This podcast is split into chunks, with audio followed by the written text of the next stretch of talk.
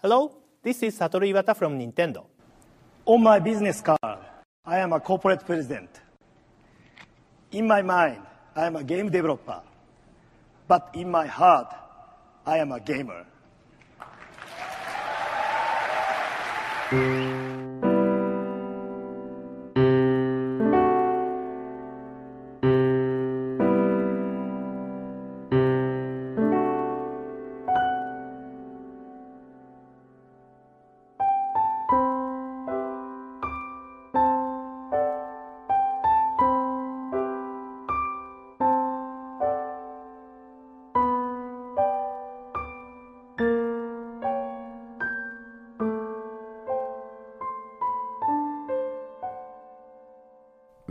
Velkommen til Lolbua Bailout spesial. Vi har um, Jon Cato Lorentzen heter. Uh, jeg har med meg Magnus Tellefsen og Lars Olsen. Og som Lars proklamerte på Twitter i dag, det her blir aller, aller siste episode av Lolbua ever.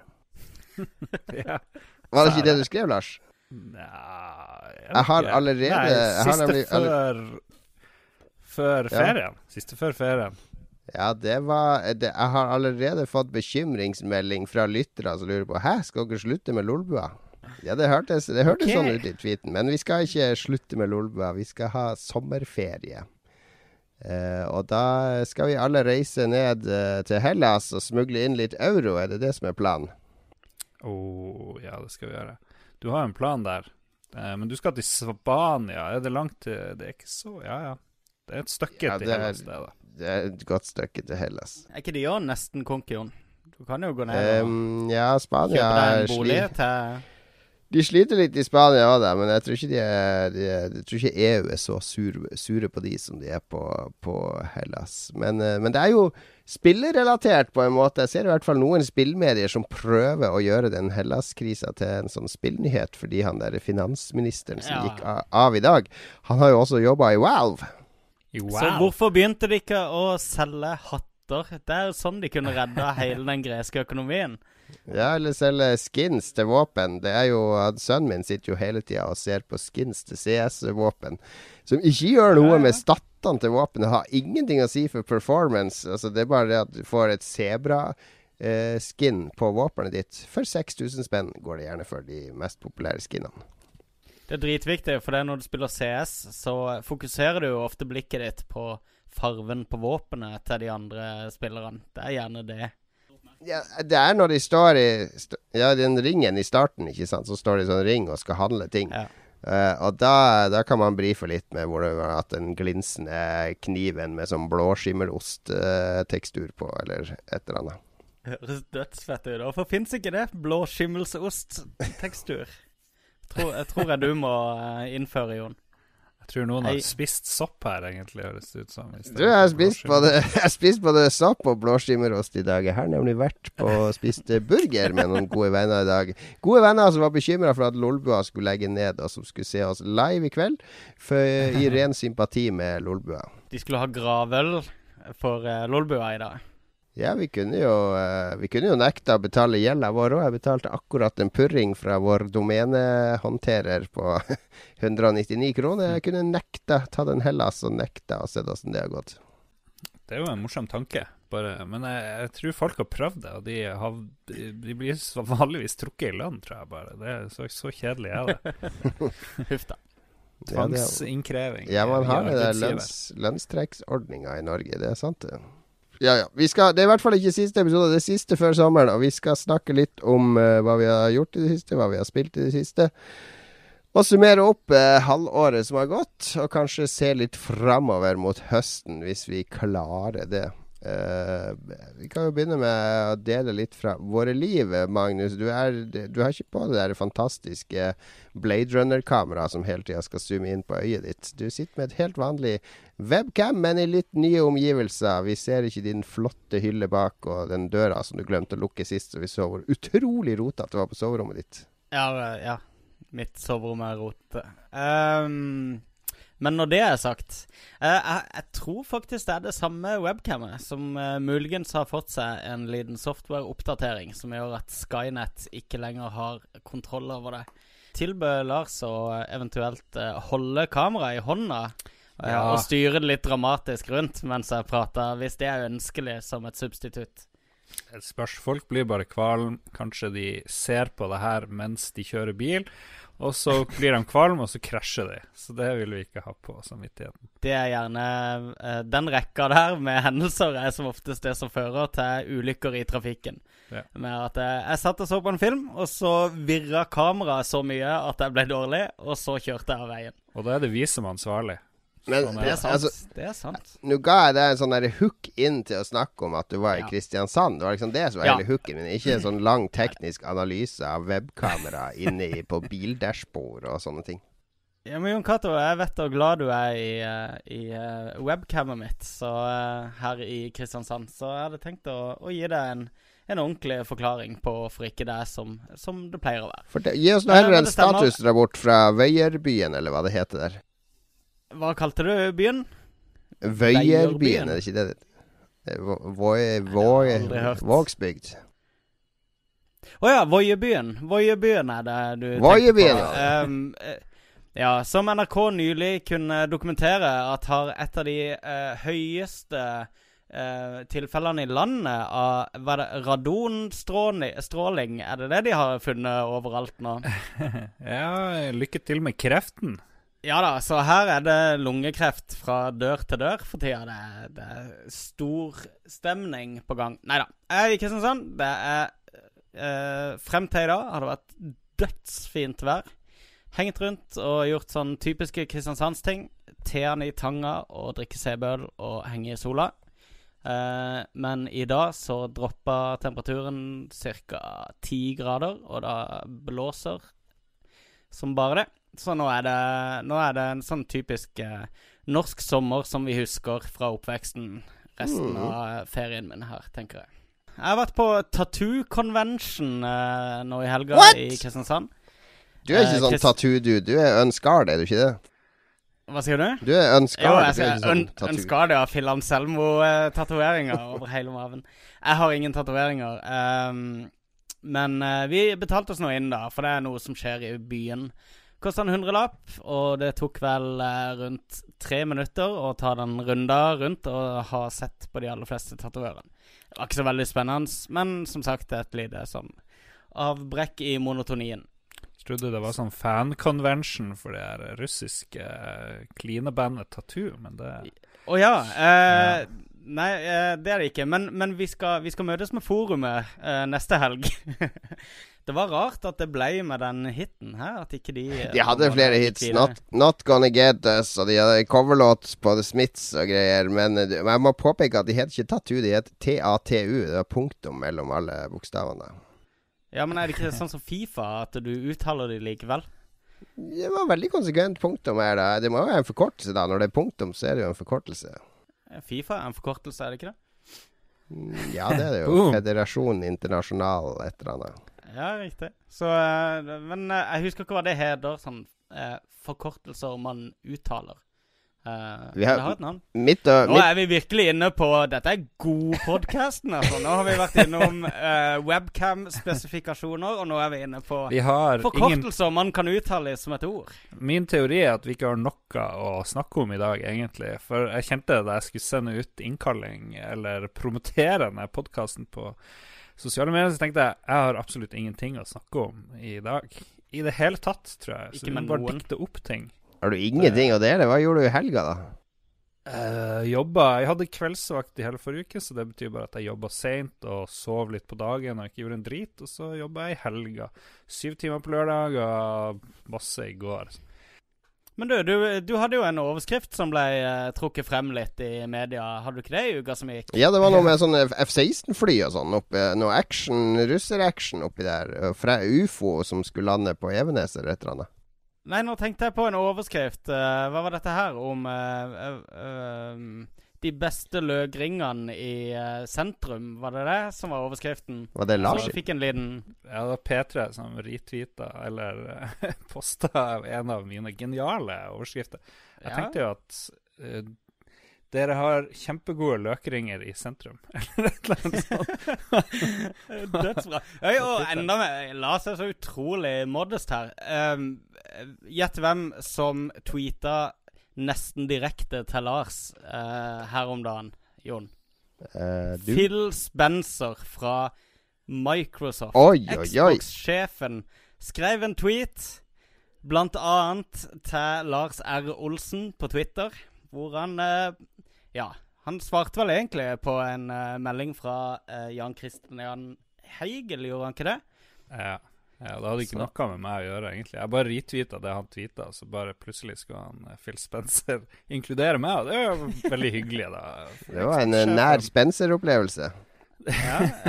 ja. Han Jan Christian han skrev at han, eh, Phil Spencer hadde vært og prøvd uh, Owlboy borte på Minecon. Så det var jo gøy.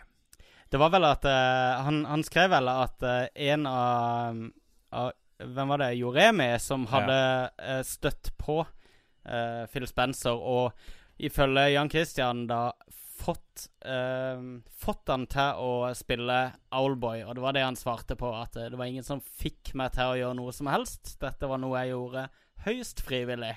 Han vir- virka veldig defensiv, han der Phil Spencer, plutselig. Jeg vet ikke hva det var. Jeg, jeg gikk inn, jeg, jeg følger han ikke på Twitter, eller jeg gjør det nå. For det, jeg syns det var litt kult at han svarte på så sånn, små sånn fillemeldinger som det der. Og, eh, han er faktisk ekstremt hands on. Han, han svarer på uh, de minste småting svarer han på til fansen. Det var litt uh, imponert over. Det, Der, det å snakka vi om eh, Sony.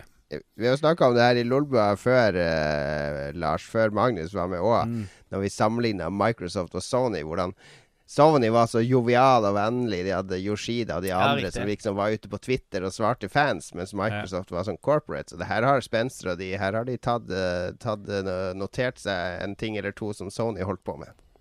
Jeg, Jeg tenkte jo selvfølgelig at eh, jo mer aktiv du er på Twitter, jo mindre har du å gjøre på jobb. Så det er jo ikke nødvendigvis et godt Ja, eller det er jo ikke nødvendigvis Spencer som tvitrer. Kanskje han har en personlig assistent som tvitrer for han. Så han egentlig Ja, så tvitrer han ikke jo, noe. men der, dette var såpass uh, personlig. Han, han er veldig sånn hands on. da. Og jeg, jeg så at eh, han Han, uh, uh, han hadde en sånn her kose, kosetweet til Yoshida også. eh, der han skrev at eh, 'kult å se han spille Bloodborne', og eh, eh, henviste til han da som en sånn Det var en sånn kompismelding, og bra jobba. Og, ja, Men artig. Magnus, du som er fremtidig sånn her leder av Telenor og sånt, du, du må jo se verdien i at en CEO er godt likt og, og eh, får masse følgere. og Det er jo en av grunnene til at jeg liker Sony, eller har gjort det det siste året. da. Nå er de kanskje Nå er vi blitt så vant til at de er så eh, public og tar Mm. kontakt med folk. Men er det ikke det veldig bra at et selskap får veldig godt forhold med, med sine kunder? Jo, definitivt. Og det er jo det sosiale medier Dette vet jo du kanskje mer enn meg om, mister Mr. eh, Social Media Manager eh, Olsen. um, men det er veldig viktig å ha det der. eh, At eh, det er et menneske som sitter bak spakene der og styrer. Og at eh, folk føler at de har en sånn nesten direkte kontakt eh, med ledelsen, eh, merker de følger slavisk. Alright. Men vi, vi, eh, vi skal ikke forlate Phil Spencer helt ennå, fordi mens Lars ikke har gjort noe mer spennende enn å ende opp i en eh, nevnt i en tweet av Phil Spencer, så hørte jeg på eh, Sjekka en ny, P3. En og P3. Eh, Kjendis, Lars. Ja, ja, ja. Det er stort. Stort. Det, Ja, ja, Jon. Beklager, Jon. Jeg tok lufta ut av ditt her. Hva sa du? Ja, jeg prøvde meg på en veldig smooth overgang, men som vanlig så ble det ballespark og eh, lagt i bakken. Men vi prøver på nytt, fordi mens Lars har blitt nevnt av Phil Spencer i en tweet, så sjekka jeg ut en ny podkast på toget eh, denne uka, eller forrige uke. Nemlig um, Xbox Unlocked. Har dere hørt på den? Uh, nei. Nei, det er i regi av IGN, da, så i utgangspunktet eh, var jeg overhodet ikke interessert i en podkast som kun handler om Xbox, og som er laga av IGN. Men akkurat den her var veldig kul, fordi den er laga under, under E3. da, altså De har en programleder, eh, som er en sånn typisk slick amerikansk programleder som jeg ikke vet hva heter. Men han hadde tre gjester, da. Og den ene var han eh, eh, Seamus Blackley. Han som designa og pitcha den originale Xboxen til Microsoft, og var med å lansere den. Han andre var Peter Moore, som var Xbox-sjef under hele Xbox 360-perioden, og gjorde Xbox til en, en underholdningsbrand, og ikke bare en sånn nerdete svart PC i en boks. Og den tredje var selvfølgelig da Phil Spencer. Så det var det mest eh, sånn der em, celebre gjestepanelet jeg har hørt i en podkast noen gang. da, Og de, de prata i sånn to timer om historien til Xbox, og masse, masse kule historier og info som ikke har vært ute før, og om eh, Red Ring of Death og, og spill som ikke ble noe av, og avtaler som gikk i vasken, og hvorfor Psychonauts ble ditcha. og Masse, masse masse moro. Det er veldig sånn åpen og hyggelig samtale. Tydelig at de har lært fra sine sosiale medier-eksperter at det her å være med på podkast, det er lurt.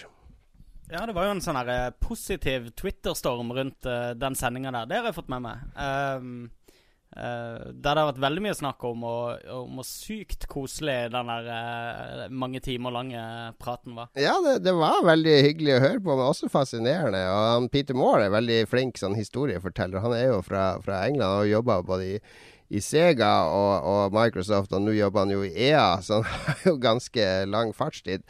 Uh, og fortalte om uh, halo-tatoveringer. og, uh, og, og det mest spennende av alt var kanskje når de oppdaga Eller når de prøvde å finne ut av det Red Ring of Death-problemet. Og han forteller der om hvordan de setter seg ned og skjønner at det her er krise, at nesten alle konsollene kommer til å bli ødelagt innen det neste året, og hva, hva skal vi gjøre for å holde Eh, at vi ikke mister popularitet. Fordi hvis de fucker opp den der eh, innbyttinga av maskiner, ikke sant, så kommer alle kunder til å hate dem hvis det er sånn her ja, lever den på butikken og få, få den tilbake om en måned. Ja. Så da de eh, skisserte ut det der FedEx-systemet, da, at du får sånn boks på døra, så får du den tilbake innen to dager, ferdig reparert. Eh, det, det var Han skissert To De lagde en sånn løsning, da, og så regna de ut. Ja, det kommer til å koste sånn 1,15 milliarder dollar, den løsninga Det er helt sykt. Ja, altså, da var det 200-300 av de millionene gikk jo til FedEx. Jo, men sa, hvis de ikke gjorde det, så, så, så var det bare å legge ned hele Xbox. Altså, men så måtte Mm. han jo ta det her med da til han Steve Ballmer.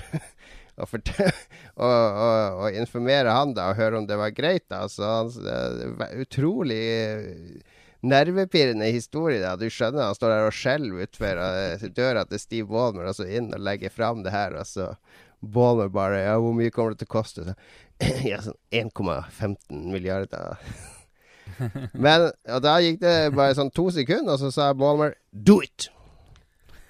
Der har du CEO-en sin. Do it!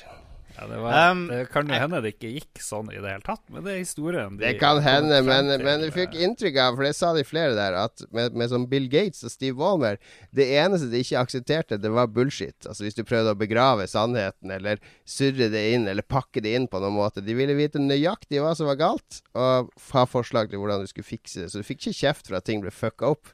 Du fikk kjeft en gang du prøvde å sjøfle ting under teppet. Jeg ja. at når du har blitt CEO, Jon, så oppsøker du andre spillsjefer og finner ut hvordan Ja, nå, det jeg, jeg funker. ser opp til Steve Walmer når det gjelder sånn fysisk nærvær på scenen og hoppe og sprette rundt og sånn, og så ser jeg opp til andre CEO-er for andre ting. Eh, Jeg kan jo si, Det er jo mulig at det er fordi jeg sitter her omgitt av mine foreldres eh, skobedrift, men eh, de legger veldig mye inn i akkurat dette her med at hvis noen har et problem med sko de selger, så, så legger de supermye energi inn i å gi de som klager, en dødsgod klageopplevelse da, med, med bedriften. Uh, og det ender ofte Eller det ender så å si alltid opp som mersalg, med at de ender opp med å bestille mer fordi de får såpass god uh, Det er sånn ingen spørsmål, ingenting. Ja, greit, vi sender deg Vi nye sko med en gang, og vi sender med en, en uh, lapp med gratis porto hvis du vil returnere det. Null problem. Vi gir deg en rabatt på neste par sko hvis du ønsker det.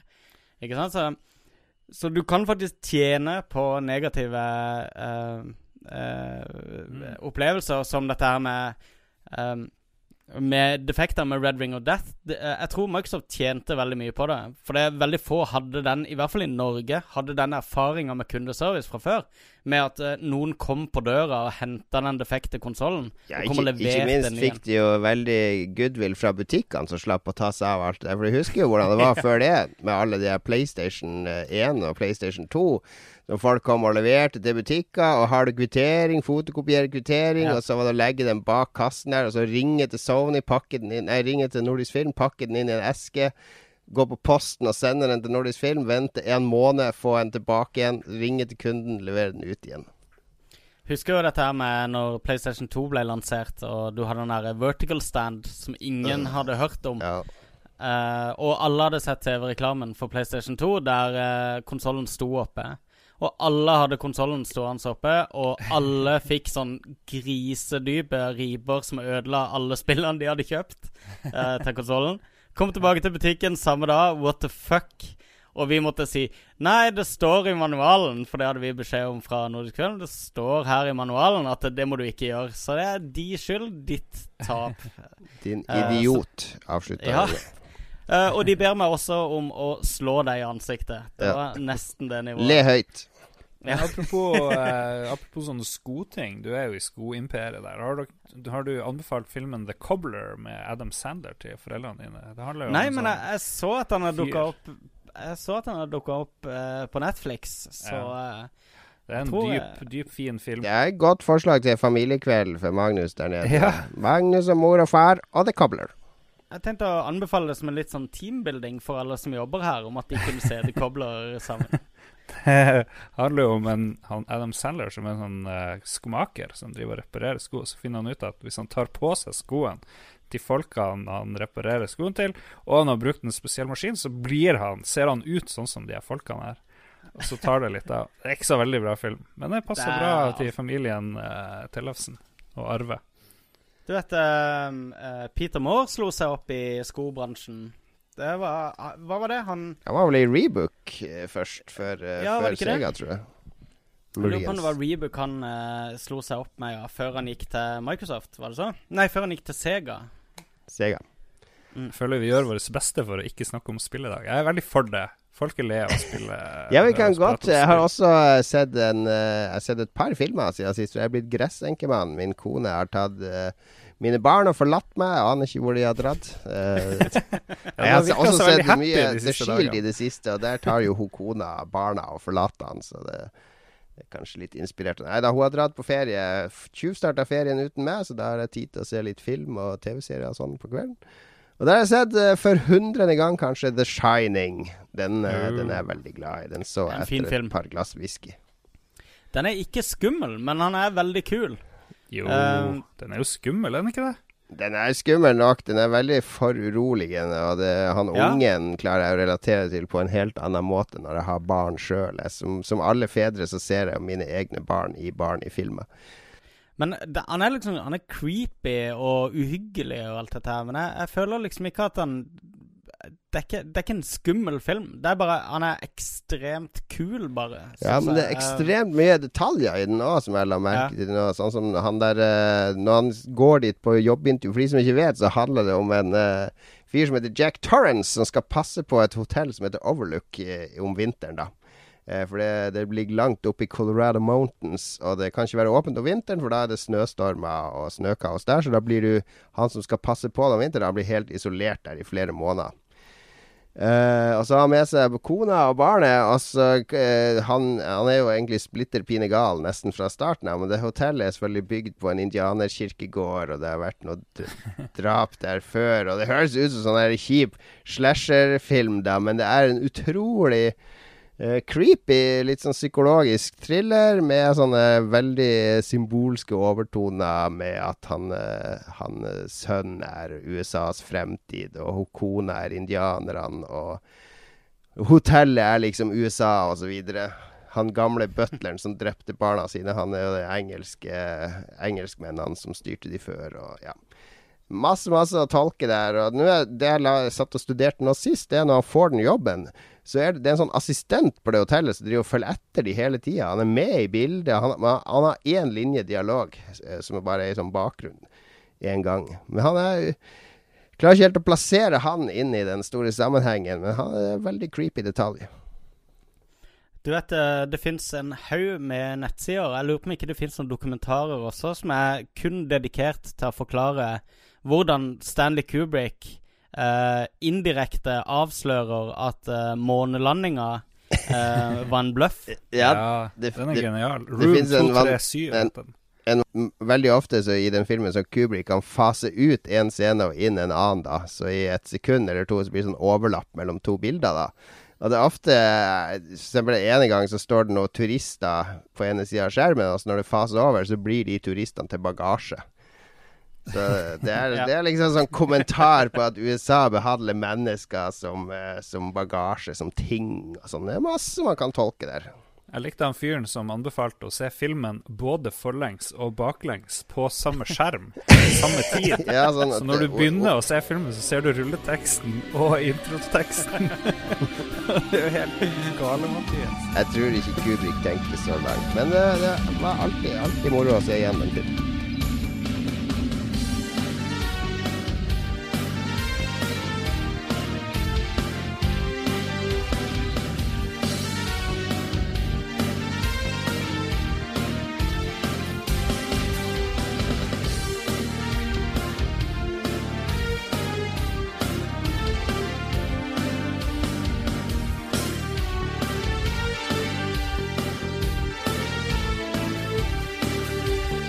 Da er vi tilbake her! Hvis noen eh, Det var ikke meninga å rope, men eh, når jeg var, spiste middag i dag, det var vår gode tidligere gjest eh, Frank Tore med. Han er jo en supervenn av Lolbua. Og han, han fortalte at han har gått den siste måneden og ropt inn i mobilen sin, for det var ingen som hørte hva han sa. Helt til han fant ut at det lå noe sånn der navlelo inni mikrofonen da, til mobilen. Så det var derfor ingen har hørt hva han sa. Så han har gått rundt og vært sånn der, skikkelig sånn der loud shouter på mobilen. Konge. Så det er et tips til alle lyttere. Sjekk eh, mobilmikrofonen for lommerusk før du begynner å stå og rope og skrike hvis ingen hører deg i mobilen. Og navlelo i lommene dine før du legger mobilen der. Ja, og ikke gå med mobilen i navlen er også et godt tips. Merkelig det, Frank. Vi skal snakke litt om halvåret som har gått, for vi er jo Vi er akkurat bikka Vi er nærmere julaften, en ny julaften enn den gamle julaften. Vi er Sola har snudd. Det går mot uh, mørkere tider allerede. Uh, sommeren er her. Den er vel kommet litt til Nord-Norge òg, har jeg hørt rykter om. Nei, det var 14 grader i går. 14 er jo eh, nordnorsk tropesommer. Eh, det er i hvert fall eh, midt på året, og da passer det godt. For jeg har merka i alle mine år i media, når man kommer til november-desember, så skal man liksom oppsummere året som har gått. Og da husker jeg veldig godt alt som skjedde om høsten, men det er akkurat som den sommeren er sånn der vakuum eh, Altså at man glemmer alt som skjedde før sommeren. Det er Ja. utrolig vanskelig å ta med sånne ting fra januar, februar, mars, april når man skal Ja. lage sånn årsoppsummering. Må liksom tilbake kronologisk og, og sjekke eh, nyhetssteder og sånne ting for å, for å komme på alt som skjedde. Du ser det også i prisutdelingene som skjer i slutten av året. Så ser du at mange har glemt det som skjedde i hvert fall første kvartal, Mm. eh, når de eh, deler ut priser. Mm. Så vi skal, vi skal da prøve å oppsummere halvåret som har gått. Og eh, det var en, veldig god idé. Så jeg, jeg tenker Lars har laga en sånn fin oversikt nå, så han kan lose oss gjennom fra januar til juni 2015. Vær så god. Hva, hva, hva har skjedd egentlig i år? Det det er jo helt grusomt å tenke på hvor dårlig hukommelse man har. Jeg vet ikke Ja. om det er bare meg, men eh, hva gjorde dere liksom i februar? Jeg vet ikke. Vi, hadde jo, vi var jo på NM i gameplay. Når var det? Det var, Det var i januar.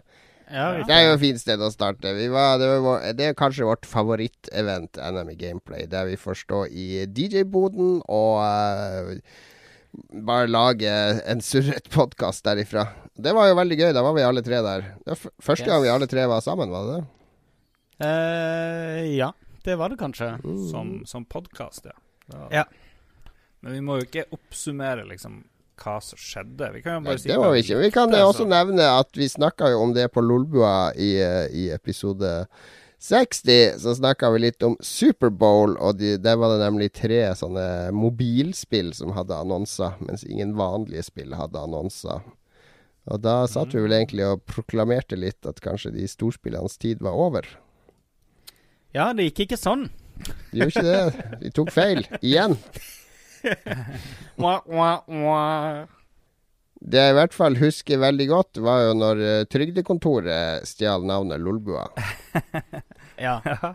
Og ikke bare det, de, eh, de oppfant en tidsmaskin og reiste tilbake i tid, hvor de eh, i stedet for å drepe Hitler, så gikk de inn og skrev en tweet hvor de name-droppa Lolbua noen måneder før vi gjorde det. Så- Øyvind Vogt fra, fra Trygdekontoret fiksa den biffen. Yes. Så uh, godt gjort med tidsmaskin, men uh, kunne jo tatt Hitler i samme slengen, syns jeg. Eh, Peter Moore, forresten, uh, designa den første Air Jordan-skoen og jobba i Nike. Bare sånn før uh, ok, ok, ok. kommer inn. Yes. Eh, hva mer gjorde vi? Vi hadde Commodore 64-sending, som egentlig ble vår mest ambisiøse sending til da. Eh, Den vel- gikk bra. Ja, den ble veldig Den fikk vi veldig mye skryt for. Mm. Mm. Da spilte vi Ocean Loader, ser jeg. Jeg har uh, skjønt trikset ditt, Jon. Jeg går nedover i sendeskjemaet vårt. Ja, ja, men jeg er på nettsida og ser på hva vi har skrevet der. Og så hadde vi Eh, også er du på lolbua.no? på lolbua.no, category podcast. Eh, og der eh, Og så hadde vi også vår første pressetur som vi dro på. Vi ble nemlig invitert til å se på Witcher 3 i eh, Stockholm. eh, der jeg Ja, dro og riktig. lagde en reportasje fra. Og så lagde vi en PlayStation spesial, som også ble veldig, veldig godt mottatt. Ja, Ja. riktig. Ja, men det var en, det var en fin uh, mimreepisode. Vi må ha mer sånne spesialer, men jeg vet ikke, vi begynner kanskje å slippe tom for uh, maskiner og jeg vet ikke helt Vi får ha en sånn egen floppy-disk-spesial. Du vet hva de sier i The Incredibles, vet du? Er at hvis alle er spesielle, så er ingen spesielle. Hvor de sa det Eh, henne, sa du? uh, The Incredibles. Det er eh, fritt tolka fra okay. noe der. Uh, Mm. Men det er et poeng i det. Vi må, vi må ha en del vanlige episoder, og så lar vi spesialer som skiller seg ut. Ja, da, Vi kan ikke ha høydepunkter hver gang. Altså, Dette hadde er jo vi da en av de episodene som skal få de andre episodene til å se bra ut. Ja, men så hadde vi hadde noen viktige episoder òg. Vi hadde en for eksempel, der vi snakka om erotikk og sex i spill, som ble så Ja. kleint at Magnus nekta å være med. Ja. Det husker Jeg jeg. satt og var solbrent i Florida, hvis ikke jeg husker feil, Mm. eh, under den sendinga. Jeg lagde en splash jeg var ganske fornøyd med til den. Hvis Ja, jeg den var fin. Og så hadde vi også en ganske alvorlig episode der vi hadde som gjest han uh, Mattis Delerud, uh, Mm. Ja. som uh, var designer og, og sjef for Team DOS, som lagde Size Does Matter, som var utbrent. Det, Ja. var, det var en interessant episode. Ja, absolutt. Den hadde jeg glemt. Det var bra. Nå driver han og styrer med noe nytt prosjekt. Jeg vet om, i hvert fall at han Mats Deler han deler mye bilder fra kontoret sitt eh, for tida. Vet jeg. jeg vet ikke helt hva han gjør for noe, men han eh, er tydeligvis på kontoret. Skal jeg si hva han gjør? Ja. Han, deler, han deler bilder fra kontoret sitt. Så tørt. Uff. Blir ikke tørrere enn det her. Nei, altså, vi kan jo se på spillene, da. Jeg er litt kjedelig på hva jeg syns var kult det første halvåret. Det er mye stortitler. Uh, syns fremdeles uh, Ori and The Blind Forest Syns jeg fremdeles har holdt seg ekstremt godt uh, i uh, forhold til andre utgivelser. Det er fremdeles en sterk, god ty-tittel, syns jeg. Mm. Eh, jeg har spilt mye Witcher og Batman. Eh, de sitter liksom fremdeles i eh, på hi- netthinna, da, så det er veldig lett å name-droppe de også. Ekstremt gode spill, begge to. Selv om det er litt sånn kjedelige, forutsigbare trippel A-titler. Mm. Jeg har spilt begge på PC, selvsagt. Nei da, ikke det. Jeg har spilt mest uh, Axiom Verge, er vel ett av de jeg har spilt mest. Og så lurer jeg på om Jon Cato har spilt mer uh, siden forrige sending. Du prøvde litt. Nei, jeg har ikke fått fortsatt på det ennå. Mm, Er ikke Bloodborne 2 egentlig noe begge dere Jo, burde Bloodborne er jo det beste som har kommet i, så Ja. langt i år, spør du meg. Ja, det er Ja. de to spillene som er mine favoritter, egentlig. Så Mm. langt i år. Mm, hvis jeg skal si hvilke ting jeg venter på Skal vi se Jeg lurer på om det er Tomorrow Children blir kult. Jeg liker i hvert fall måten det ser ut. Da. Det er vel de her eh, Q Games som har lagd det, det er ikke det? Og så tror jeg det der Everybody's Gone to the Rapture blir kult. Det er en sånn PlayStation-eksklusiv eh, ting. Sånn weird adventure-greie. Men så mye Men så mye sånn eh, superspill jeg venter på, det er Jeg prøvde å liksom lage en liste, men kom liksom aldri helt, eh, helt på de helt store tingene. da. Men Fallout ikke på Tomb 4. Raider. Eh, Hva sa du? Ja, Tomb Raider venter på, og så Fallout 4, da, tenker jeg. Ja. ja. Fallout 4 blir et sånn veldig sånn automatisk spill og sånn go to-spill i høst, føler jeg. Jeg, jeg gleder meg til Telltale skal fullføre de seriene de holder på med nå, eh, så jeg kan sette i gang med episode to eh, og utover. For der er det en del å hente. Sammen med Life is Strange er det kanskje kult å få fullført. Jeg har spilt to episoder så langt. Mm. Uh, det er, det er litt, litt for meg, så jeg, jeg ser frem til å liksom kunne uh, sette tennene i disse her episodebaserte spillene. Uh, det tror jeg kanskje er det, det, største som skjer for meg utover året. Og kanskje den nye Xbox-kontrolleren, hvis den kommer i år. Ja, 150 dollar. Den er, ja, det er, den er crazy money. Uh, men, men, det blir liksom en ting, bare det, da. Det er som den joysticken til Jon Cato. At uh, å betale så mye penger blir liksom en del av hele opplevelsen. um, Star Wars Battlefront glemte jeg. Det har jeg kjempelyst til å spille. Du, det ser bare bedre og bedre ut. Og det at eh, de har en såpass sterk story mode som de har, det ble jeg litt overraska over. Det jeg vet ikke om de forrige har hatt Ja, det ser ut som Star Wars-filmer. Det er jo det er helt fantastisk at eh, de har kommet der det er teknologisk nå at vi kan faktisk ha interaktive 80-tallsfilmer. Det er mm. Ja, nei, jeg, jeg, gleder meg mest til uh, Among the Sleep på PS4 og Xbox One. Det blir uh... Det gleder jeg meg og Det er vel det vi gleder oss mest til, tror jeg. Jeg håper også at det kommer en mobiltelefonversjon. ja, det er uh, Vi får se. Jeg, jeg, gleder meg Det er ikke så mye sånn Nå må jeg jo kjøpe spill sjøl, altså. Da, da, blir det til at jeg vet ikke, Sånn som, sånn som Batman. Nå skjønner jeg plutselig poenget med sånn Let's Play, fordi Batman har jeg egentlig ikke hatt lyst til å spille i det hele tatt. Så jeg tenkte at ja, det må jeg spille, for det skal jeg sikkert anmelde. Men så oi, jeg, jeg skal ikke det. Så nå har jeg sett I stedet så har jeg sett sånn 20 minutter Let's Play av Batman, og det er liksom Det holder i massevis. Det holder i massevis. Men eh, jobben din må jo betale for eh, spillene du spiller. Du skal jo vite hva som skjer. Jeg er jo ikke designer, så det er jo ikke Ja, jo jeg, Man kan sikkert gjøre det med noen spill, men, eh, men eh, nei, det, det syns jeg ikke er helt riktig. Det, der har du en viktig ting du glemte i lønnsforhandlingene dine. Men, ja, men jeg har ikke noe behov. Det er jo det jeg sier, behovet er ikke der. Jeg har ikke det suget etter å spille Batman. Jeg har masse annet jeg heller vil spille før jeg spiller Batman, f.eks. Men hvis jeg skal ta frem et par spill til høsten, så blir det liksom Metal Gear, for der har jeg ikke skjønt helt hva jeg får. Batman, der trenger jeg å se ti minutter på YouTube, så har jeg, så har jeg hele spillet, liksom. Nei, det er, det er mye bedre enn ja, det er sånn ti minutter på nett. Bil, og det er samme slåssing som før, og det er detective Nei, det er bedre slåssing, og det er et bedre spill. Det kan vi snakke om når vi skal snakke om hva vi har spilt uh, i det siste. Ja. ja. Um, har det vært noen nedturer i året som gikk, hvis vi skal runde av denne spalten med det, da? Jeg kan jo i hvert fall ta opp eh, alle kontroversen som har vært rundt eh, spill som ikke funker, som har kommet det siste. Jeg vet i hvert fall at våre kolleger i Radcrew er eh, pottesure på eh, alle eh, Hva er det i teltet? Syv-åtte spillutgivere som, som det siste året har gitt ut eh, det de regner for å være uferdige eller ødelagte spill. Mm. Så det er en, en trend vi som kanskje ikke har vært en, en høydere, i hvert fall, i året som gikk. Ja. Ja. Jeg trodde at Gamergate var i år, men det var jo i fjor. for lenge, lenge. Ja, det var i fjor. Vi har glemt det nå. uh, ja, Den største nedturen er kanskje den PlayStation 4-en min som bråker så sinnssykt at, uh, at jeg kan bare spille 20 minutter The Witcher 3 om gangen. Så må jeg slå den ned så at den vifta roer seg ned. Du må jo få deg en ny en, da. Det går ikke an å ha det sånn. Men det er så en post mot noen på Xbox, Jon. Nå mente du burde hive på sånn her thermal paste. Du må søke på det. Sånn fan noise og thermal paste. Altså, jeg kjøper jo ikke en konsoll for at jeg skal sitte og modde og fikse på den. Det skal funke ut av boksen. Hvis den ikke gjør det, så er jeg ikke fornøyd. Det er jo hele ideen med en uh, konsoll, er jo at uh, du uh, alle får samme opplevelsen. Men det har vært sånn siden starten. I starten så mm. tenkte jeg ja, det, det, skal bare være sånn. De har jo laga en sånn bitte liten, så da må de jo ha sånn megavifte i forhold til Xbox One, som er mye større og har mye bedre ventilasjon. Så da er det sikkert sånn. Først eh, etter et halvt år, eh, når folk var på besøk hos meg og lurte på hvorfor jeg hadde på støvsugeren mens jeg spilte, at jeg skjønte at det ikke skulle være sånn. Men min er ikke sånn, så det skal jo ikke være sånn. Men putt den i en kjølebag med masse is. Det er mitt tips. Legg den under vann mens du spiller, eh, Jon, så vil du ikke høre det. Jeg skal, eh, jeg skal se om jeg får fiksa det etter hvert.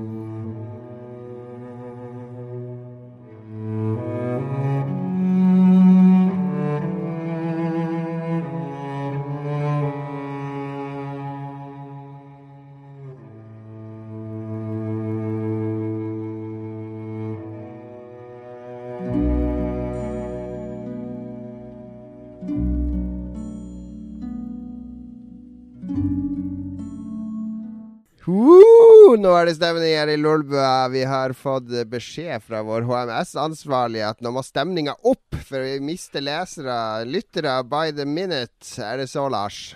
Du syns det har vært Stemmer. litt labert fram til nå? Nei, ja, nei, jeg vet ikke. Jeg bare føler vi, er, vi har tatt ferie for lenge siden. Det her er mer sånn Jeg vet ikke. Det her Ja, gjør jo mulig, bare for pengene sin kan, skyld. Kanskje tar det seg litt opp nå når vi skal snakke litt om hva vi har spilt i det siste. Uh, jeg kan gjerne begynne, for jeg har akkurat lasta ned Ark. Eh, det der um, Early Access Survival-spillet. Jeg har ikke spilt det, da. jeg har lasta det ned. I hvert fall. Men jeg, vil- jeg, i jeg, jeg har spilt et, uh, et kortspill som heter Spyfall, som jeg gjerne vil dele uh, med dere. Fordi på lørdag så var jeg på grill og whiskykveld hos våre gode venner Brødrene Skoglund. Det var også en som heter Espen, så vi var fire stykker, som, eh, som spiste masse god mat og drakk masse god whisky og vin og øl. Og, så dro jeg fram et kortspill som heter Spyfall. Spyfall er veldig veldig enkelt. Eh, Det er sånn 30 bunker med, med åtte kort i hver bunke. Og hver bunke er liksom en location, så alle de åtte kortene er bilder av samme location. Og Så deler man ut ett kort til hver, og så ser man på kortet, så er man f.eks. på eh, en cruisebåt, eller på en strand, eller i en bank, eller i supermarkedet. Altså, man, man jobber på det stedet, da. Det står hvilken jobbtittel man har, da. Altså alle har forskjellig jobb. Men han ene trekker et kort der det bare står spion. Så han er spion. Og så skal man stille hverandre spørsmål. da Sånn her ja, 'Hvor lenge skal du jobbe i dag?' Da? Hva, hva syns du er morsomst i jobben din? Og, og sånn.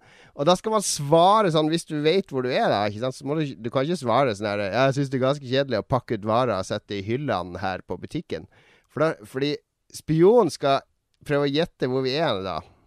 Så hvis spionen klarer å finne ut hvilken lokasjon vi er på, så har han vunnet. Og hvis de andre klarer å avsløre spionen, så har de vunnet. Men alle jobber på samme sted? alle jobber på samme sted. Altså alle bortsett fra spionen vet hvor de er henne.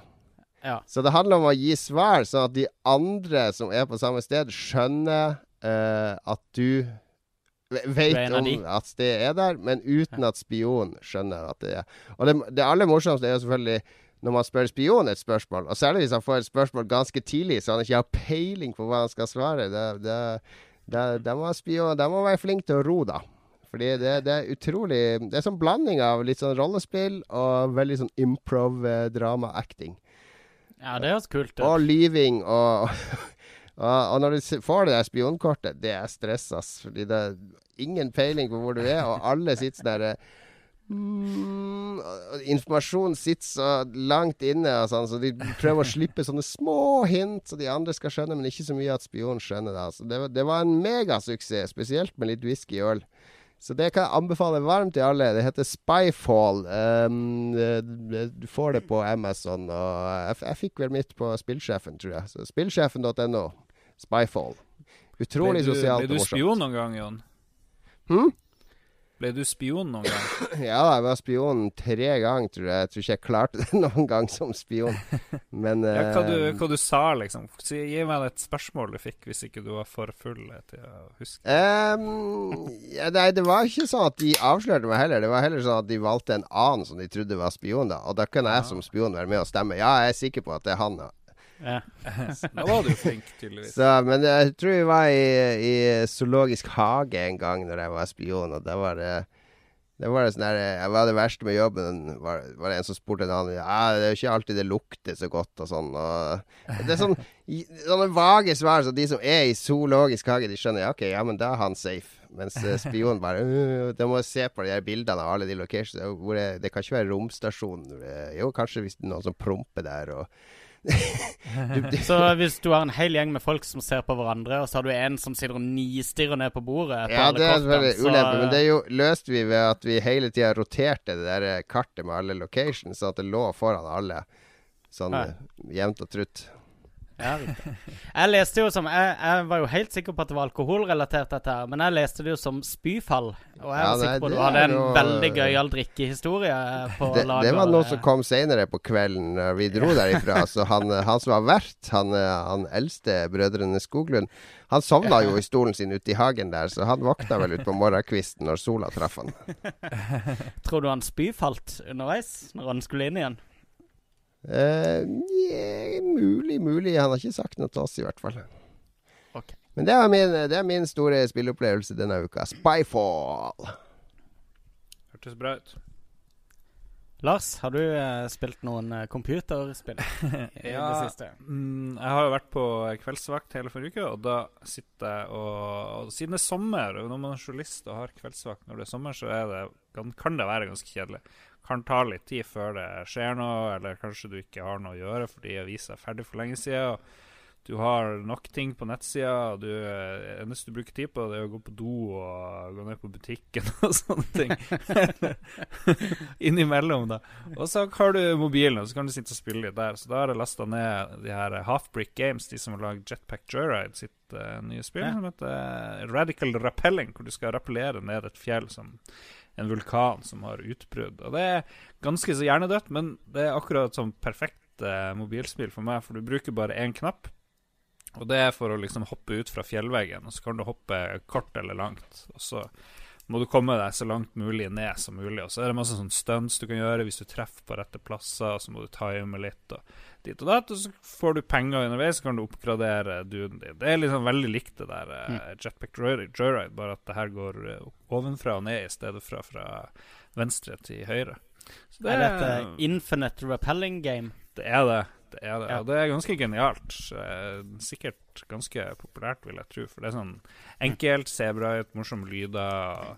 Du har sånn her en milliard kostymer du kan kjøpe for de her teite pengene, eller du kan liksom kjøpe det for ordentlige kroner. Så, Hvis du er gal. Ja, hvis du er gal.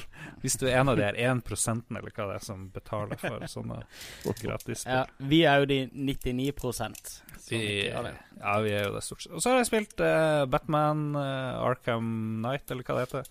Som jeg syns var ganske greit. Men det er liksom typisk når jeg kjøper et Batman-spill, så spiller jeg det i en uke, kanskje, og så blir jeg lei, og det frykter jeg skjer nå òg. Fordi jeg er så jævlig dårlig til den der combaten, og det ender bare opp med at jeg slår trykker på firkant hele tida, eller hva det er. Firkant, firkant, firkant, firkant. Og så kommer det noen fiender som du ikke kan gjøre det på. da Du må liksom disarme det eller et eller annet. Og så lurer jeg bestandig på hvordan jeg skal gjøre det, for jeg glemmer det og sånt. Men du Men, spiller eh, Bloodborne, Lars. Det burde jo være piece of cake å spille Jo, men- Batman etterpå. Men Bloodborne er jo mye mer tilfredsstillende combat enn eh, Batman-spillene noen gang har vært. Fordi Batman er de tre knappene. Det er det vel ikke? Jo, Det det er- en dodge-knapp, det er en blokk-knapp, og det er en sånn rulle unna-knapp.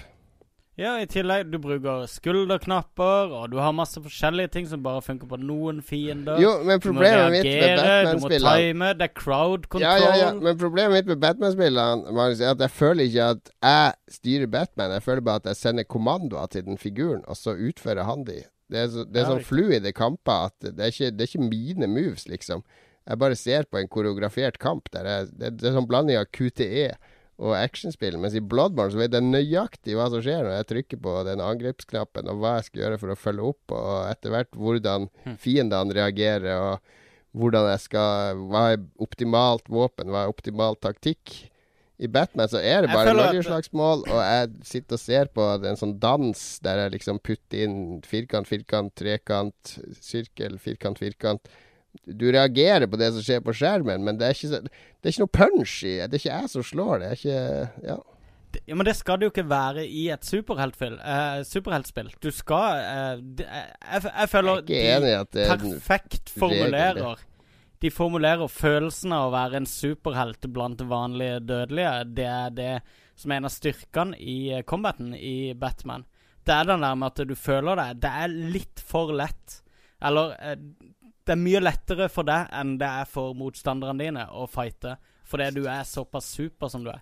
Mens Jo, i jo, Bloodborne jo. så er du jo Problemet mitt er at jeg føler ikke at det er så fighter. Jeg føler at det er Batman som fighter, og jeg som bare Ja, men står det på sidelinja og, og dytter han litt i riktig Men, men går det an å daue i Batman? Fordi uansett hvor elendig jeg er, så klarer jeg aldri å dø. Det er litt frustrerende. Ja, du kan, du kan jo dø. Du får jo eh, Kommer en villain og sier et eller annet nedlatende Mm. til deg, og så Ja, okay. eh, våkner du opp et annet sted i byen. Fordi jeg trenger et insentiv for å bli bedre i spillet, og det har jeg liksom ikke hittil. Men, eh, Nei, den riktig. bilen liker jeg. Det er jo mange som har kritisert den bilen, men jeg syns den er fett awesome. Det er kult å hoppe ned fra et høyt hus, og så holder du inne L1 eller hva det er, og så kommer bilen mens du detter ned gjennom lufta. Og det, det er litt stilig. Det må jeg si. Eh, det blir litt ensformig med den bilen etter hvert. For det er sånn her Ja, kjør til det stedet, aktiver eh, en eller annen dings med bilen, og så kommer det type sånn 17 eh, droner som Ja. du må skyte ned, og så er det liksom et eget sånn pass deg for laseren minigame, da. Og pluss at eh, alle disse her eh, eh, Hva er det het for noe? Herregud. The Riddler-questene. Mm. Denne gangen liksom er sånn plattforming med Batmobil. Som, som er litt Det er litt tøvete, da. Jeg prøvde Um, en av sikkert den første banen. Den var, den var litt kul, da. Du må liksom Ja, trykke det- på knapper mens du kjører for å aktivere Jeg så, jeg så nå nettopp Ja. han, eh, han eh, Tommy Refenes, han som lagde Super Meat Boy, har Mm, akkurat ja. What fucking genius thought physics puzzles with a car would make Arkham Knight a better game? Ja, nettopp. Uh, og det er vel de fleste enige om at uh, The Riddler burde vel ha mer på lager enn eh, Her har jeg 5000 oppgaver til bilisten Batman.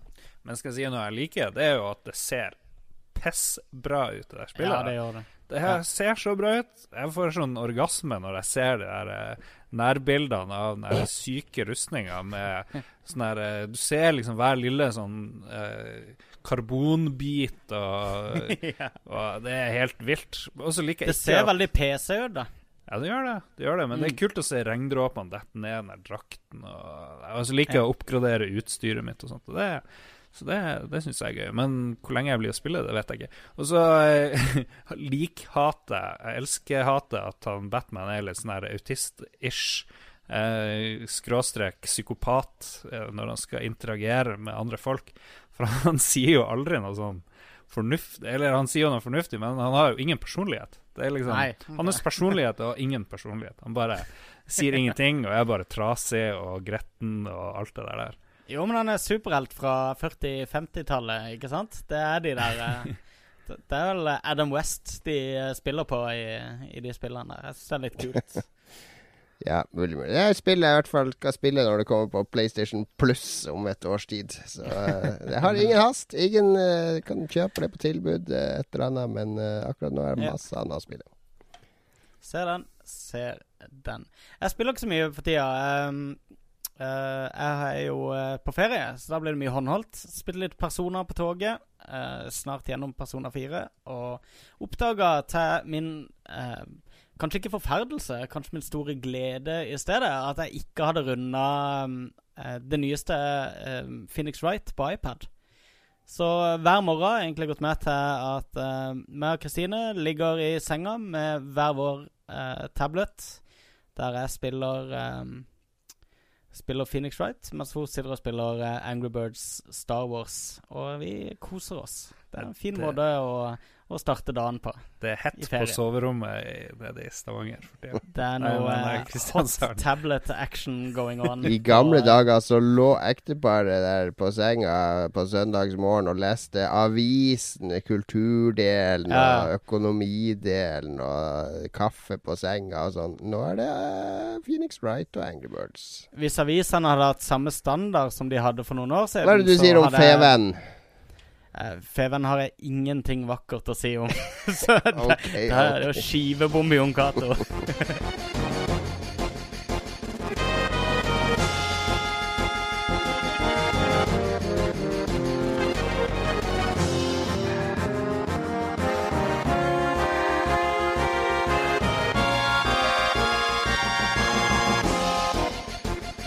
Da er vi kommet til, eh, til det som mange Jeg tror mange liker vår lytterspaltesekvens. Vi får i hvert fall mange lytterspørsmål. Og han som har sittet hele sendinga og klaget over eh, laber kvalitet, nå får han sjansen til å putte pengene der den store kjeften hans er.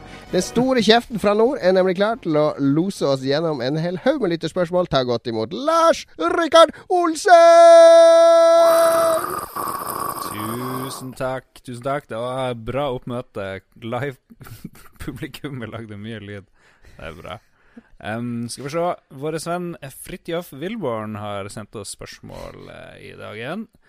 Uh, egentlig ikke spørsmål. Vi spurte på eh, Facebook og Twitter hva var høydepunkter, hva var nedturer i året hittil. Og han sier at spillrelatert høydepunkt var E3 2015. Og der er jeg enig, det var et usedvanlig bra E3. Eh, og så liker han at han har fått forloven interessert i Jeff Minter sine IOS-spill. Og det er jo ganske sånn snever, uh, snevert mål å ha, men eh, Ja, altså Det er ja. mer respekt av en kjæreste som ligger ved siden av meg i senga om morgenen og spiller Jeff Minter-spill, enn å spille Angry Birds. Ja. Vet, så vi kommer No aldri med på middag til eh, deg. Magnus. Hæ? No offense, Magnus. Ja, det var shots fired her. Eh, Siste gang vi kommer på middag hos deg. Det- Der må du jobbe litt med å oppgradere spillene. Og så tror jeg også Forrige gang nevnte han Fridtjof vel at uh, de spilte i Minotaur et eller annet, og nå er det Goat Up 2 som er Ja, også Mino- Minotaur Project er vel samlebetegnelsen for, på de IOS-spillene. Oh, Mm. ok. Ja, og så sier han at livsrelatert høydepunkt var 'ble forlovet'. Og det må vi jo uh, Det er bra. Gratulerer! Ja. Eh, Ruben Holm, uh, også kjent som Brimflamme på eh, Twitter. Jeg vet ikke om han har sagt så mye til oss uh, så ofte Nei. før, men eh, takk for innspill nå. Han sier at han kommer ikke på noen høydepunkter eller lavmål i farta, men han ser frem til Fallout 4 og ønsker seg en releasedato på Yakuza 5. Veldig enig. Glem Shenmue 3. Gi oss Yakuza 5. Jeg skaffer meg Yakuza 5 på en uh, konsollgenerasjon som har noe å si når Yakuza 5 kommer, så uh, skal jeg også bli glad. Og hør han der. Nei, Jeg kan ikke se den filmen. Den er svart-hvitt. Ja, jeg er ikke så langt unna der, men uh, jeg har jo lyst til å pakke ned PS3-en min snart. Må jeg ærlig innrømme. Ingen som hindrer det. Ingen som hindrer det. Nei, det er sant. Det fins en av-knapp. ja, det er helt enig ja. Eh, there's no off switch on the genius, et eller annet. Var det ikke det slagordet til han um, uh, David Letterman? Hmm. Oh, ja. The genius switch has no off position, tror jeg da. Men Torbjørn Malkenes sier høydepunktet er Bloodborne, som han straks har 100% på. Det det er respekt. Mm. Absolutt. Har gått en del i Destiny, yay. Mario Kart 8 og Super Mario 3D World. Mitt dårligste kjøp det her halvåret må være Project Cars. Vet ikke hva det var, men klarte ikke å engasjere meg i det spillet. Det var mange som ikke visste hva Project Cars var selv etter å ha hatt det i noen dager. Ja, nei, jeg, jeg kjenner flere som elsker det spillet, og så kjenner jeg Ja. flere som egentlig elsker bilspill, som hater det spillet. Uh, så det er veldig sånn splitta spill. Men det er veldig sånn teknisk spill. Altså, vi kjenner jo uh, han Peter Heggevall, redaktøren for Game Reactor Sverige. Han elsker selvfølgelig Project Cars, fordi det er sånn Selvsagt. klinisk teknisk uh, bilkjøring. Mens jeg har en annen venn som heter Jimmy, som også elsker bilspill, men mer sånn Sega Rally-type spill. Han hater det selvfølgelig, så det, det Heter han. Heggeball? Heggevall. Heggevall. Eh, ok. Eh, Olav Årskjær Ødegården sier at han har ikke null til å si. Ha en flott sommer. Flott Tusen- innlegg. Ja. Tusen takk for tilbakemeldinga. God sommer til Ødegården òg. God sommer. Eh, skal vi se Jan Christian Heggel vår En stund var han vår mest faste bidragsyter, og så har han datt litt av i det siste. Jeg vet ikke Er ikke det, er ikke det han kompisen til Phil Spencer? Ja, det er Jo, han er også jobber jo med Dpad. Han er vel Mm. QA-mann. Riktig. Men det er vel, de nærmer seg vel slutten på Oldboy, så han har vel kanskje hatt litt å gjøre det siste halve året. Ja, Når skal vi få sånn her eh, testversjon av Oldboy? Det gleder jeg meg sykt til, absolutt. Skal vi se. Eh, han sier i hvert fall at høydepunktet er, og sikkert var, The Witcher 3. Eh, lavmål egentlig ingenting. Um, uttrykksikonet Smilegård. Jeg vet ikke hvordan det Smile. Å uttrykks- nei, smilegård. ikonet ser ut. Nei, uttrykksikonet smile går sjelden på en smell. Ja, det er sånn det er. Jeg har prøvd å bli full så fort jeg kan her nå, så mulig det begynner å funke. Em, og så kom til slutt uttrykksikonet tang. Jeg liker at det kommer liksom med i når vi klipper og limer fra Facebook. Anders Berge, lavmål, ikke oppgradert spillemaskin ennå. Høydere, fikset tittel på Lolbua 79. Det må ha vært han som tipsa oss om Summer of George. som, Summer of George, ja. Eh. Riktig. Takk for det. Uten det. det så hadde det bare hett Lolbua 79. Han Og hadde sannsynligvis til gått rett i glemmeboka. Ja, han ser veldig frem til Fallout 4. Ja. Ole Jørgen Øverby sier høydepunkt Bloodborne. Ja da, hans første From Software-spill, og nå er han høyt skrevet på engelsk. Høydepunkt på nyheter. Final Fantasy 7 Remake For that ass, sier han. Eh, eh, Han skal ha det i rumpa, ja, ja, han, han har stor rumpe. Eh, lavpunkt etter Final Fantasy 7 Remake og The Last Guardian ble confirmed, så jeg bombesikker på at Valve skulle komme med en Half-Life 3-nyhet. Og Det har ikke jeg tenkt på, men det var kanskje logisk. Men Tingen er at da. eh, Valve liker å eh, annonsere spill sammen med releasedatoer, noe ikke Final Fantasy 7 Remake eller Last Guardian kom med. Ja, og han, og han Ole Jørgen her må jeg si at uh, først får han Final Fantasy 7 remake, og så får han Last Guardian. Så han er som en sånn der unge på julaften som bare 'Å, jeg har fått sykkel! Å, jeg har fått snowboard! Å, jeg har fått PlayStation 3!' Hvor ble det av det flyet jeg ønska meg? Ja. man, man må liksom Man må være fornøyd med det man får. Ja, ja, herregud. Skjerp Men deg, Ole tingen er jo at du får jo ingenting med Final Fantasy 7 Remake, eksempel. Du har, du har sett eh, eh, et halvt minutt Han har med fått, noe eh, som- han har fått et håp. Et håp. Ja, nettopp. Ja. Og det har vi jo aldri hatt før, Ikke- om The Last Guardian og Final Fantasy 7. Ja. Eh, og så ser han frem til uh, Fallout 4, sånn som alle andre. Ryker på en ferieuke da, tenker jeg, sier han. Um, Erik Vassdal Sætervik. uh, hallo til Eirik. Høydepunkt. Common Sense til Europa Universalis 4. Jeg aner ikke hva det betyr. Ingen peiling. Uh, og Witcher 3. Lavmål. PC-port til Batman, selv om jeg ikke har det selv. Håper Oi, tar- det var empatisk av ja, veldig, veldig. Han har sikkert noen venner som er sint, kanskje. Eh, Håper de tar PC-ports på alvor nå fremover. Common yeah. Sense er den åttende utvidelsen til Europa Universal Ah. 4. Derfor uh, for eksempel Theokrasia har nå uh, arvinger som blir valgt av eventet. Eh, Jon Cato bare Dette er tingen vet. eh, protestantismen har nå kirkekraft som akkumulerer over tid, og kan brukes til å kjøpe aspekter som er permanente modifiers added to that country's particular version of protestantism. Hva du vet, Jon Cato. Ja, Ditt dette- kunnskapsnivå det, det, kjenner ingen kunne grenser. Hvis man skal være medlem av Lolbua. Ja, det, at du hadde det. det bare sånn, det var impressive. Skal vi se Magnus Eide Sandstrand. Hallo, Magnus. Eh, lavmål. Nintendo vraker Wii U. Det er vel litt indirekte, da. Um, og så Jeg kjøper Xbox One, sier han. OK. Er det lavmål? Nei, det var vel en følge av at uh, han ikke er fornøyd med sin Å ja, kanskje. riktig. Det var et uh, semikolon der. Høydepunkt snart ferdig med å snekre utestue. Hva er en utestue, folkens? Er Er ikke det sånn balkong med glass overalt? Ja, sånn Innglassa balkong, er det vel. vinterhage, er det det det betyr? Ja, vinterhavet, ja. Ja, ok. Hmm. Men kan, kan man bruke en vinterhage om sommeren? Lurer jeg på. Det er veldig Ja. Nei, du sperrer det av om, eh, om sommeren. Da, er det ikke, da funker det ikke. Oi, han skal ha storskjerm og gaming i utestua til langt utpå vinteren. Holy Yes. fuck. Det må jeg si. Det vil jeg ha bilde av. Det der høres helt vilt ut. Mm. og så ser han frem til retrospillmessen siste helga i august. Du, det blir litt sånn Hvis, han har glass over hele, og det snør mye, så blir det litt som å sitte i ei snøhule og spille. Det er litt kult. Ja, Det det blir jo det. Er, Ja. Jeg tror det er en god idé med sånn utestue, hvis man får det til, da.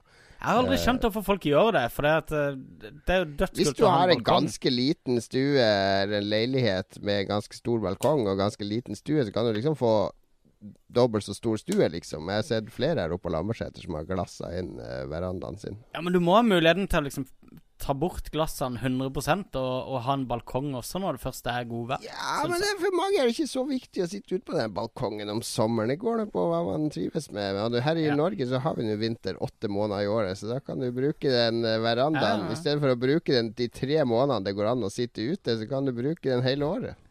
Ja, Det er jeg enig i, men det er derfor jeg mener at en bør ha en sånn hybridløsning, hvor du kan uh, bruke det som balkong på sommer og, og vinterstue på vinter.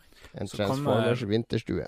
Så kommer han Magnus Eide Sandstad også med en spådom. Eh, 'Blir sick', skrev han helt på slutten av eh, Retrospillmessa tror jeg blir bra. Jeg har hørt eh, at det kommer ganske mye folk der, og de har booka inn kule gjester. Og eh, Godt mulig det blir spillquiz med Magnus og Jon Cato der òg. Det har vi vel ikke fått sjekka opp ennå.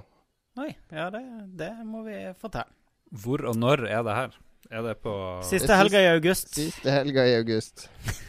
Hvis du leser dine egne ting her. Ja, det var det, ja. Jesus mother. Ja, Du sa det nettopp høyt. Jeg gleder, gleder meg til sommerferien vår, altså. Holy shit. Jeg tror vi trenger det. Vi trenger å lade litt batterier nå.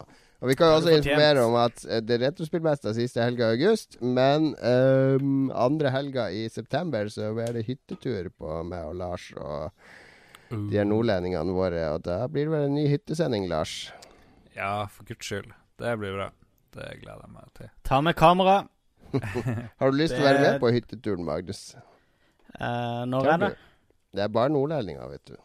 Ja, vi får se. Hvis dere trenger et geografisk anker, så, så er det mulig jeg kan stille med min uh, Vi trenger en eh, Det er en del oppvask og sånn, og, eh, og ja, sånn, sånn er ikke ting, strøm der, da. Forefallende ting som dukker opp underveis.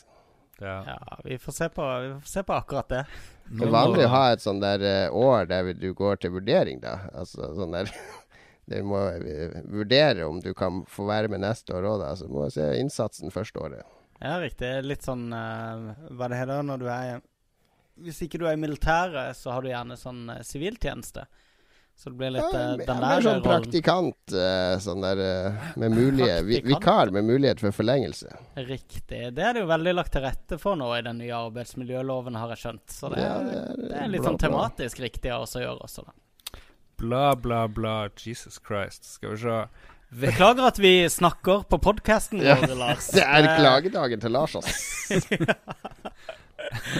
uh, siste spørsmål. Eh, men jeg føler vi må Big. spille inn en ny podkast etterpå. En ny, en ny og bedre. Der Du du, kan klager inn inn det. Ja, gjerne det. Det er Lars som sånn, her, sånn sint og aggressivt leser opp alle leserspørsmålene sånn ferdig. Sånn! Beklager, beklager. Uh, Vegard Megaman Mudenia. Det er faen meg kongenavn. Beste spill som kom i år, uten tvil Bloodborne. Word. Word. Mest gleder jeg meg mest til The Binding of Isaac Rebirth DLC-en. Det er hardcore, det må jeg si. Um, spille det spillet der så ofte som mulig. Kom, ja, jeg er jo så dum. Jeg spilte bare Binding of Isaac én gang, og så trodde jeg liksom that's it. Men du skal tydeligvis spille det tusen ganger, så jeg beklager til alle som jeg har eh, sagt dårlige ting til det spillet om. Du glemte å spille det tusen ganger. Jeg spilte det bare 500 ganger. Da er det dritt. Det er dritt de første 900, så de siste 100 så begynner det å ta seg opp. Spør noen meg om et spill jeg anbefaler, så er det alltid uh, Binding of Isaac Rebirth. Ja vel. Mm. Og så fikk vi et nytt ut uttrykksikon smile. God sommer, gutta. God sommer, Vegard Megaman. Ja. God Vegard sommer. Megaman. Vegaman. Godgutten. Godgutten. Ja. Kan noen eh, Kan vi snakke om noe gøy nå? Noe gøy. Ja. Hva er det, Lars? Hva er det du skal jeg, jeg har sittet og lurt hva- hele den sendinga på hva er egentlig gøy. For det Hva skal vi gjøre resten av sommeren, da? Vi har ingen som har noen kule sommerplaner. Altså, jeg drar til Spania om en ukes uh, tid. Og det er Lars nå snakker om at han kanskje kommer på besøk. ja. Har dere Fet. basseng? Vi har to bassenger. What? To basseng? Ja, ja, ja. Holy shit. Er det her som er kjøpt når uh, det har gått i dass i Spania, og så har liksom rikmannsfamilien Lorentzen bare investert hardt i Spania? Det er vel min svigerfamilie som har investert hardt i Spania, men jo da, nei, det er jo de, de Boligprisene er jo gunstige der nede nå, for å si det sånn. Det er ikke sånn at de det blir gitt bort, men, eh, Ja. men det, det er ikke sånn at du blir ruinert heller hvis du har litt penger. Hva med å gjøre som en ekte Frp-er og bare selge alt, flytte til Spania og leve i sus og dus? Det høres egentlig bra ut nå i drittsommerværet her oppe, altså. Eh, ja, det er Jeg kjenner jo en meg, Eller meg og Magnus kjenner jo en spillutvikler som bor der nede i Spania, som har gjort akkurat det, som bor på What? sørkysten der. Han eh, som lager Myriad, Erlend Grefsrud, som vi intervjua oh. vel i vår NM Gameplay, han bor i Spania nå og lager spill. Han tweeter jo som en gal mann. eh, Han, eh. Han er ganske aktiv og ganske har mye meninger, men det er bra. Mye, mye sangria og Sangria Og. Twitter det er en hellig kombo. Men det, er- det gleder jeg meg veldig til to uker i tropevarme i Spania. Og enda mer gleder jeg meg hvis min gode venn Lars kommer på besøk. Skal vi bade og kose oss og lage mat og Ja, Mm. så kan vi legge planer for høsten eh, sånn bak ryggen til Magnus.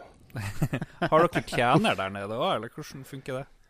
Ja, nei, det er litt derfor jeg har invitert deg ned. Nei, vi, har, vi klarer oss uten. Mm.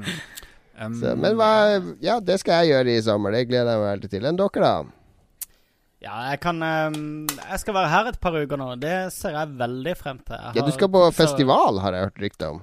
Ja, det er helt riktig. Uh, ryktene har nådd uh, Oslo, skjønner jeg. Um, Jeg skal på um, en liten sånn indie-festival som har åpna Eller som starta opp etter at Kvarten gikk ad undas. Det har kommet en hel haug med sånne småfestivaler i eh, kjølvannet eh, Mm. av, av Kvartfestivalen her i Kristiansand. Og en av de kuleste er Mågeskrig.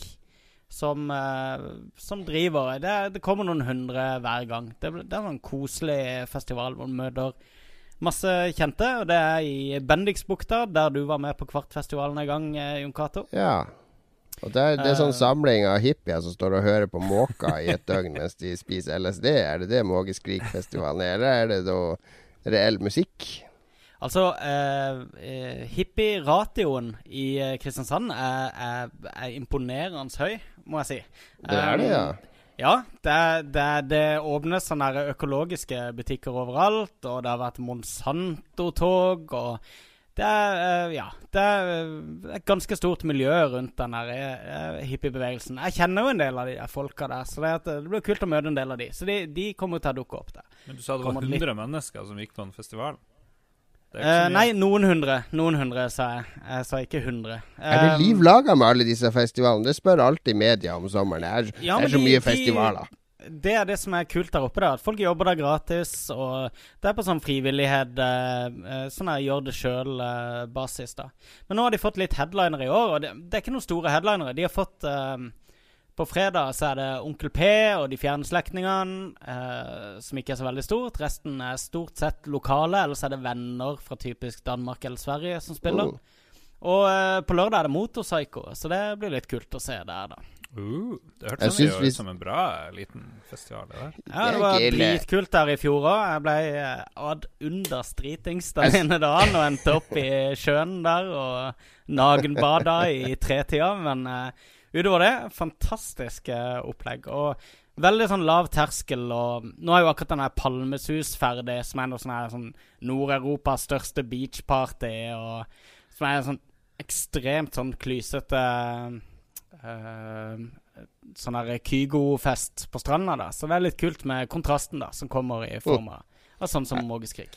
Er det ikke sånn at hvis det er sånn økologisk hippiefestival, så burde det vært eh, kortreiste artister? Altså ikke fra Danmark og Trondheim, Så det blir litt Jo, for jo, men inne. eh, altså, det er ikke de som arrangerer det nødvendigvis, da. Men det er en del av de uh, det Ja, okay. alternative miljøet som er ganske stort i Kristiansand, Der, Der tror jeg jeg har et konsept. Økologisk musikkfestival kun med kortreiste artister. Kortreist musikk, De må kunne komme seg dit med kollektivtrafikk. Ja, men det er jo billig òg, da. Og Maks én times reisetid. Da har de sted å bo. Og ja, det er kortreiste artister. Bærekraftig festival. Senere i sommer så har jeg fiksa meg billett til onsdagen på Øyafestivalen. Det gleder jeg meg veldig til. Der skal jeg se mitt uh, nåværende favorittband uh, Mastodon atter en gang. Det ser jeg ekstremt frem til. Så uh, Jeg skal nå på onsdagen og fredag og lørdagen.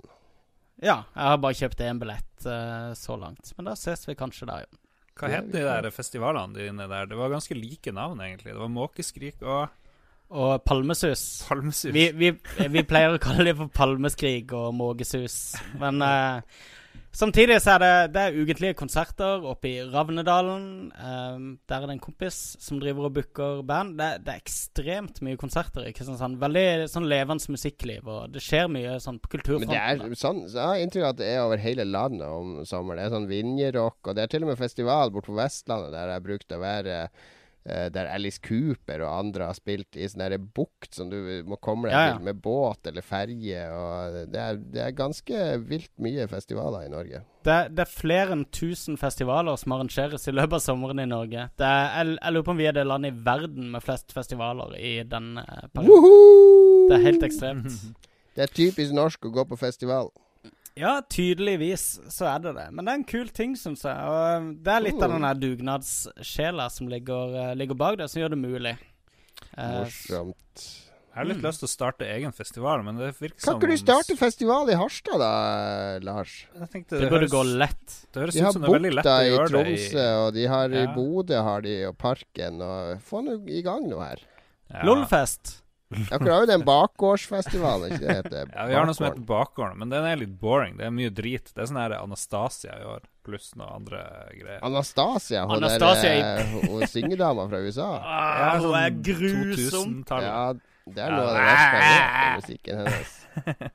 Ja, det er litt Hun sånn høres ut som en mann med dyp, dyp stemme. Det er sånn her corporate-initiativ, og det blir aldri sånn veldig kult, tror jeg det. Men jeg har lyst til å dra på noe som Det er greia med alle de der festivalene som heter sånn her Bakgården og sånn. Sånn som begynner i haven til en nabo, og så Mm. Ja, så plutselig spiller Anastasia der, og da bør du skifte navn til noe sånn her Glam-festivalen eller noe sånt. Skal lage, lage en sånn der eh, rave-party, da, Larsen. Sånn, rave sånn illegal rave-party. Og få opp et par DJs fra England og sånn. Det må du så gjøre.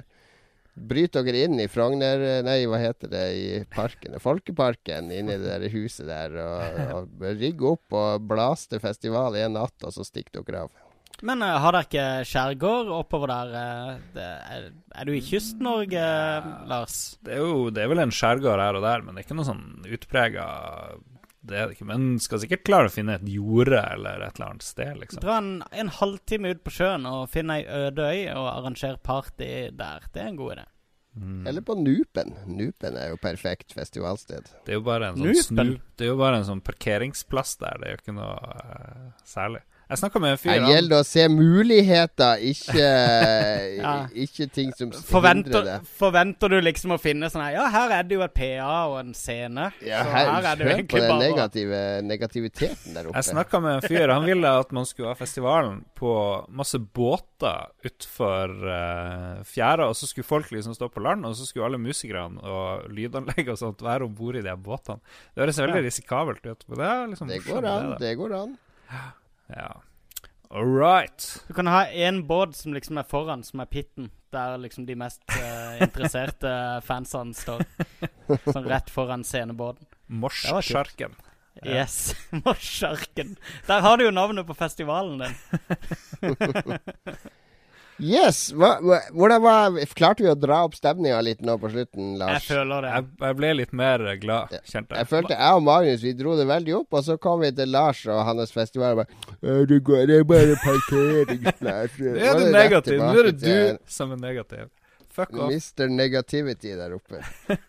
Men nå er det Ja, men det er ikke så rart når det er sommer, og du sitter og ser på sånne sommerbilder fra Sør-Norge i, i en måned mens du sitter og teller istapper utenfor vinduet ditt. Ikke Det Hele lørdagen så sendte vi jo bilde av vår venn Espen i bar overkropp i hagen til Tidsbrødrene Skoglund, så jeg skjønner at han er litt sur. Er det ikke paradoksalt at uh, du har sol hele tida? Det har ikke vi her.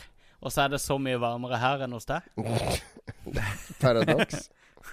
Føles det ikke Ja, kjipt? Det er veldig morsomt. Veldig fin observasjon. Veldig fin. Men vi er i hvert fall ferdig før sommeren. Slapp av, de som ble nervøse når de leste Lars sin twittermelding. Vi er tilbake i august. Starten av august. Så det Ja. blir en litt lang sommerferie på oss nå. Tre uker cirka. Og så er vi tilbake. Og da har vi lada batteriene. Da kan vi love god stemning i alle scenene. Og kanskje til og med smilet kommet tilbake på Lars. Vi får, vi får krysse fingrene for det. Eh, I mellomtida så kommer vi kommer til å tvitre litt i løpet av sommeren, sant? Jeg skal prøve å streame litt uh, i løpet av sommeren når jeg kommer tilbake til Oslo om et par uker til. Bra. Så tenkte jeg å ta en liten uh, Frese litt gjennom gamle adventure-spill og gjøre det litt koselig og litt enkelt og lett. Nice, Ja. nice. Jeg tenkte de ukene vi ikke var på lufta, kanskje om vi skulle hive ut den Klekken-episoden og noen andre Ja. greier vi har litt. Klekken kommer. Klekken kommer. Eh, episode. Magnus streamer. Vi kommer til å tvitre på at lolbua. Eh, vi kommer kanskje til å legge ut noe på lolbua.no. Vi får se om eh, ånden kommer over oss. Over oss. Og du kan selvfølgelig følge oss på Facebook og snakke med oss. Vi er ikke døde selv om vi ikke lager podkast, men det er, eh, det er logistiske utfordringer som gjør at vi tar en pause. Men vi ønsker i hvert fall alle, alle våre lyttere, til og med Ja, alle sammen. Alle sammen ønsker vi en kjempegod til med, sommer. til og med de svarte ønsker vi god sommer. Det var dine ord. Det kan ikke være det siste vi sa. Det kan ikke være det siste vi sa før. det er Jon. Endelig. Hver gang vi er oppe på god stemning, så kommer det en og drar det ned. Just when we think we're on top, he pulls us back down again.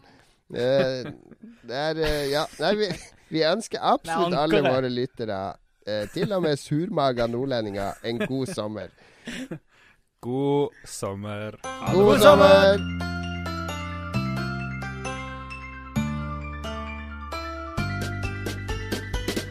Bob are dinosaurs who frolic in the nude. And they capture folks in bubbles and then turn them into food. So when their girlfriends are abducted by a penis in a cloak, Bub and Bob begin an epic quest. And it's no freaking joke. Bubble, bubble. Bubble, bubble.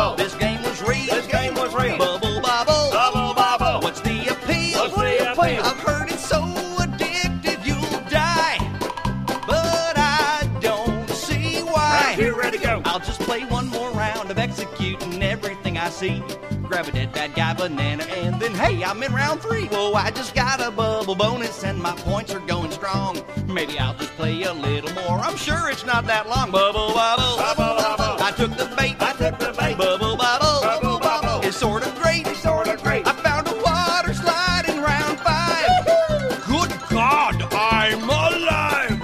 Okay, so Bubbles murder, Bubbles murder, cocktail water slide. Bubbles murder, murder, peach banana, what a frickin' ride. So many patterns, murder patterns, Bubbles, geez, it never ends. Now I don't remember much about my life and work and friends. Bubble, bubble, bubble, bubble, make Bubbles pop, make Bubbles pop. And once he pop, and once he pop, you just can't stop, you just can't stop. I got to round 30 and wow, this is my life now. A life of burgers, bubbles, ladders, bubbles, secret rounds, and fruit. You can spell extend, but there's no end. Just shoot and hop and shoot, and as you feel your brain dissolving into every checker square, take some comfort in the fact that you're just over halfway there. Ba, ba, ba, ba. Why did I try? Why did I try? There's Bub and Bob. But who am I? But who am I? There's only bubbles for me now. Must end this, but how? Round 54, round 61,